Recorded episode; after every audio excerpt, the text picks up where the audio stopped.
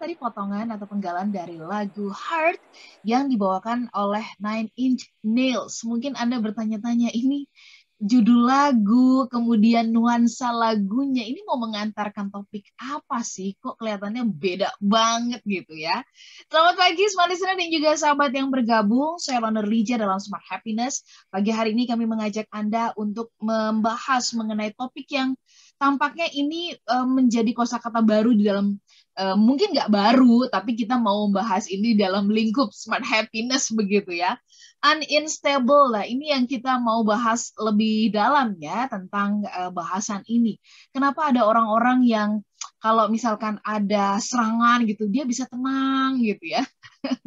Tapi ada orang yang uh, cuma dicolek sedikit aja mudah terprovokasi gitu ya. Belum disakitin gitu, baru menyentuh kata-kata apa itu udah sudah tersulut, udah emosian dan bawaannya kayaknya ingin berang gitu. Kita mau bahas ini. Ya, semua listener dan juga sahabat yang bergabung, saya sudah bersama-sama dengan Pak Arfan Pradiansyah. Selamat pagi, Pak Arfan. Selamat pagi. Selamat pagi, Mbak Ola. Apa kabar hari ini, Mbak? Kotak-kotak merah pink. Tadi juga kotak-kotak nih. Kotak-kotak juga ya. Baik, Pak Arfan makin hari makin sehat gitu ya, makin Alhamdulillah Mbak Ola, ya. Fit, makin bugar ya Pak Arfan oh. ya. Oke, baik. Pak Arfan, kita mau bahas ini, tapi ini menarik dari lagunya sendiri karena uh, kita bahas uh, kita dalam ruang lingkup smart happiness, tapi lagu pagi hari ini tuh kayaknya uh, seperti kalau kita petik gitar itu minor semua. Betul gitu. betul ya. itu mungkin di bagian mana yang ingin Pak ya. Arfan tekankan dan lagu ini ingin memberikan uh, pesan apa sih yang mendukung dari topik kita? Silakan Pak.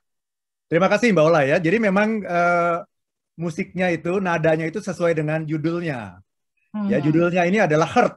Ya. Hurt. Hurt itu artinya terluka gitu. Ya namanya orang terluka ya lagunya pasti kayak begitu itu. Jadi kayak disayat-sayat gitu ya. Sayat-sayat gitu. Dan uh, lagu ini uh, sesungguhnya ini adalah true story nih Mbak Ola ya. Lagu ini bercerita tentang penyesalan seorang penyanyi yang namanya Johnny Cash ya. Hmm. Nah, Johnny Cash ini dia merasa hidupnya itu kosong dan hampa karena dia telah menyia-nyiakan dirinya, keluarganya, teman-temannya, orang-orang terdekatnya gitu. Ya. Hmm. Nah, lagu ini eh, sebetulnya adalah lagu milik grup band Nine Inch Nails. Ya. ya. Tapi kemudian nanti ada lagi versi lainnya lagi, Mbak, itu yang dinyanyikan langsung oleh uh, Johnny Cash. Jadi Johnny Cash juga menyanyikan lagu ini juga nanti. Mm -hmm. Itu Mbak Ola. Nah, apa yang menarik dari lagu ini ya. Jadi Johnny Cash ini sudah menyia-nyiakan hidupnya karena ketenarannya membuat dia kecanduan obat bius dan membuat dia jauh dari keluarganya gitu ya. Nah, mari kita lihat nih apa uh, syair dari lagu ini ya. What have I become? My sweetest friend, everyone I know goes away in the end. Ya, dia bilang begini, saya jadi apa? Teman terbaikku, semua orang yang ku kenal akhirnya pergi meninggalkanku. Ya. Mm-hmm. And you could have it all. My empire of dirt, I will let you down. I will make you hurt. Ya, okay. kamu bisa memiliki semuanya, ya, ketenaran, kerajaan, apa pun, dan itu akan membuatmu kecewa, dan itu akan membuatmu terluka, gitu. Ya. Kemudian dia bilang, if I could start again a million miles away, I would keep myself, I would find a way sejuta mil jauhnya, saya akan menjaga diri saya, saya akan temukan caranya. Nah, kira-kira begitu Mbak Ola. Jadi ini lagu mengenai orang yang terluka nih oleh situasi, oleh keadaan, oleh lingkungannya, oleh orang-orang sekitarnya begitu Mbak Ola. Oke, tetapi juga luka ini bisa jadi karena ia juga yang memberi yang berinvestasi sehingga betul betul betul uh, apa mengalami uh, tanggapan atau respon seperti ini ya Pak Arfan ya. Betul, semua orang yang bertanggung jawab akan mengatakan itu mestinya gitu. Ya bahwa okay. Iya, kalau kalau kita terluka, kalau kita tersakiti, ya, itu pasti ada kontribusi kita. Seringkali kita mengatakan saya tersakiti dan sebagainya karena dia, karena pasangan saya, karena rekan kerja saya, karena teman bisnis saya, gitu ya. Padahal sebetulnya tidak ada orang yang mampu melukai kita tanpa seizin kita. Jadi ketika kita terluka itu kita harus ingat bahwa ada kontribusi kita di situ. Jangan sepenuhnya nyalain orang gitu Mbak Ola. Iya, iya. Very good point oh. tadi itu Mbak Ola. Oke, baik. Kita mau undang dulu ya uh, ke smart listener nih. Kita coba tanya kalau menurut pendapat Anda karena Anda pasti dekat sekali dengan uh, lingkungan Anda, Anda yang paling dekat dengan uh, situasi di kantor, di organisasi, ya, keluarga, ya, terus kemudian mungkin grup-grup WhatsApp gitu. Anda coba ingat-ingat, amati pelan-pelan gitu. Kenapa ada orang yang uh, kok mudah tersulut gitu ya mudah tersulut. Uh, tapi juga ada orang yang kayaknya tenang aja gitu. Dia mau diapain juga kayaknya ya udah gitu ya damai-damai aja. Menurut anda versi Anda mengapa hal itu bisa terjadi? Silakan Anda bisa kasih komentar tanggapannya di 0812 11 12 959 sekali lagi di 0812 11 12 959 kami jeda sesaat tetaplah bersama dengan kami Malisina dan juga sahabat yang bergabung, kita sambung perbincangannya ya. Pagi hari ini kita membahas mengenai topik uninsultable. Ini tentu saja bukan sesuatu yang uh, benar-benar baru banget sih gitu ya, karena ada banyak kisah yang um, menunjukkan kepribadian seperti ini, seperti yang mungkin yang ditunjukkan oleh Henry Ford. Nah, nanti mungkin Anda bisa uh, baca itu lebih lanjut. Hanya ini kita perlu tahu supaya kita juga menjadi pribadi seperti itu dan di lingkungan kita. Tadi saya tanyakan kepada kita semuanya, silakan Anda berhak juga bisa menjawab ke 0812 11 12 959. Sekali lagi ke 0812 11 12 959. Nah, ini dia pertanyaannya kepada Anda semua ya.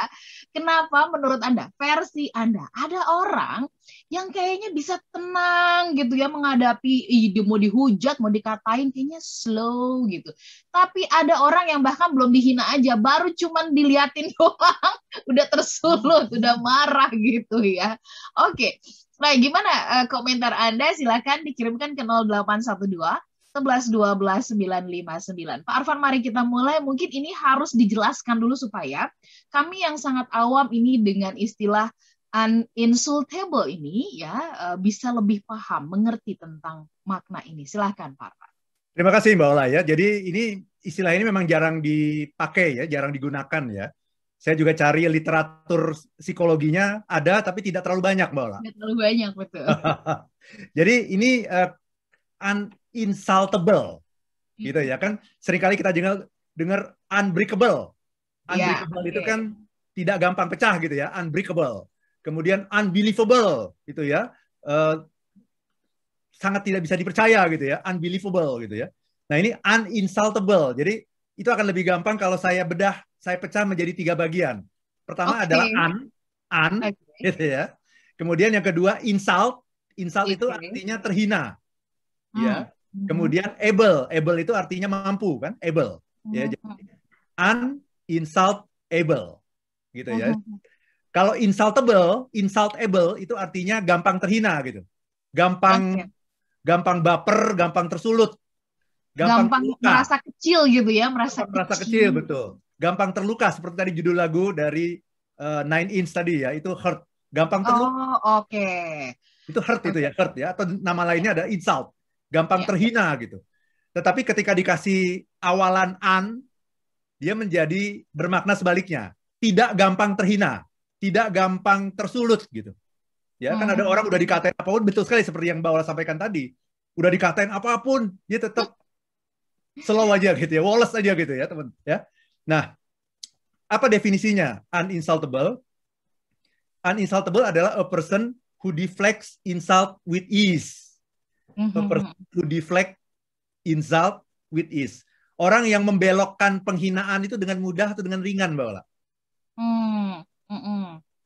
Okay. Ya, jadi uh, kan ada orang yang sebaliknya ya, misalnya kalau dari skala 1 sampai 10 ya, Mbak Ola ya. Ada mm-hmm. orang yang skalanya itu skala apa kemarahannya itu gampang marahnya itu uh, satu gitu ya. Jadi sangat gampang marah gitu. Ya, jadi dia datang ke tempat umum kemudian uh, dibisikin sama ininya ya, sama dia dia datang ke restoran misalnya gitu ya, dibisikin sama waitersnya, Pak, tolong maskernya dipakai, Pak, gitu ya.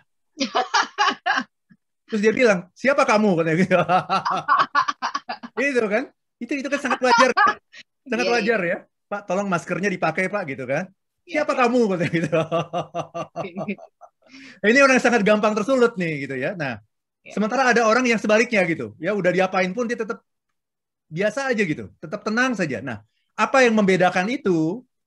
Yang membedakan itu adalah yang namanya uninsultable itu karakter gitu ya. Ada sebuah uh, apa uh, kepribadian ya yang namanya uninsultable. Apa itu?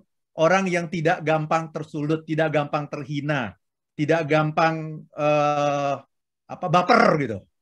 Seperti itu Mbak Ola. Oke, okay, oke. Okay. Jadi uh, uh, tadi insult, insultable itu kan uh, adalah mungkin kalau di secara umum yang kita tahu itu menggambarkan inferior ya Pak Arfan ya. Jadi kayak merasa uh, apa ya sensitif ya, betul, terus betul, kemudian ya.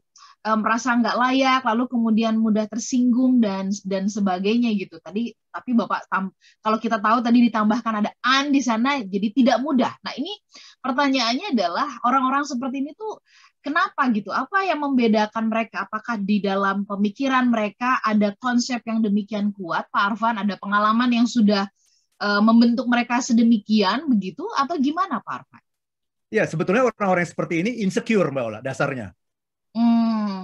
Insecure, dia tidak merasa aman gitu ya, tidak merasa nyaman gitu ya, sehingga apa pun kata-kata orang itu akan uh, berpengaruh bagi dia gitu. Hmm, hmm, hmm, Karena dia tidak merasa nyaman. Orang yang merasa nyaman, merasa aman, merasa apa yang dia lakukan itu benar, itu mau sedunia orang mengutuk dia, dia santai aja. Karena dia tahu apa yang dia lakukan itu benar. Boleh dibuktikan di, di pengadilan, misal begitu. Ya, boleh di, ditunjukkan bukti-buktinya. Ya, silakan diputar bukti-buktinya gitu. Dia akan santai saja kenapa? Karena dia merasa benar gitu. Karena dia dia merasa bahwa apa pun yang dikatakan orang tidak akan berpengaruh terhadap dirinya gitu. Kalau kita merasa bahwa apa yang dikatakan orang itu berpengaruh terhadap diri kita, itu kan tanda kita lemah gitu. Tanda kita itu inferior gitu. Nah, hmm. bentuknya bentuk dari inferiority, bentuk dari insecurity adalah seperti itu. Ya baru hmm. dibilang, "Pak, pakai maskernya, Pak." gitu ya. Langsung, "Siapa kamu?" gitu ya. Itu karena dia merasa ini menyerang dia nih. Padahal itu sesungguhnya hanya eh, berniat baik untuk mengingatkan dia gitu, Mbak Ola. Oke, okay, oke. Okay. Nah, tadi Bapak mengatakan bahwa orang-orang seperti ini tuh sebenarnya kan uh, adalah yang karena dia kuat ya, dia cukup nyaman dan dia tahu sebenarnya apa yang dia lakukan. Kan rumusnya gitu ya. Betul, karena betul. Dia, dia tahu apa yang dia lakukan itu di track yang tepat, yang benar sehingga mau segunung pun gitu ya, mau maksudnya se berapa ribu pasukan pun ngomong apa pun ya dia tetap tetap tenang, tetap santai begitu. Tapi kan ini nih Pak Arfan, orang kan sering kali berpikiran gini, ya masa sih gitu ya saat semua orang ya ketika ordinary people say no terus kamu berkata say yes gitu. Yeah. Apa ini nggak berarti uh, orang yang say yes ini yang tanda tanya gitu ya karena apa? Karena kan sebenarnya kebanyakan orang nggak begitu gitu. Nah ini bagaimana kita bisa menguatkan atau punya konsep berpikir yang yang kuat gitu saat semua orang mengatakan atau ordinary people tuh udah mengatakan nggak kamu yang gila karena semua orang sudah mengatakan tidak gitu. Terima kasih mbak Ola ya. Saya jawabnya dengan analogi saja nih mbak Ola ya.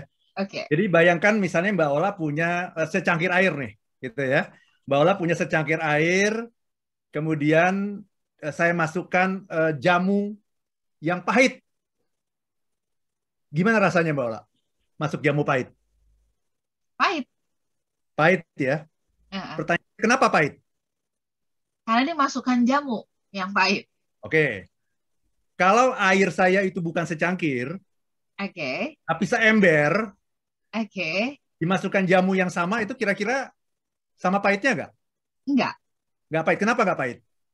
Karena airnya jauh lebih banyak daripada jumlah yang oh. pahit. Oke. Okay. Ya. Kalau airnya sekolam? Lebih nggak kerasa lagi. Kalau airnya seluas samudra? Lebih nggak kerasa lagi. Artinya. Oke. Okay. Jadi apa yang ingin saya katakan dengan contoh ini? Orang yang uh, uninsultable itu itu punya hati seluas samudra. Oke. Okay. Ya, jadi serangan-serangan itu tidak ada artinya buat dia gitu. Ya. Serangan itu akan berarti bagi kita kalau hati kita itu cuman secangkir air ini. Ya kalau hatinya cuma segini ya diserang dikasih jamu eh, sedikit saja itu udah pahit itu. Tapi kalau hati kita seluas samudra, minimal sekolam deh gitu. sekolah renang deh gitu ya. Itu nggak akan ada artinya tuh, Mbak. Serangan-serangan itu kecil semuanya gitu. Jadi mari kita berfokus bukan kepada pahitnya, bukan kepada serangannya, tapi mari kita berfokus pada meningkatkan kapasitas kita. Itu yang harus ditingkatkan.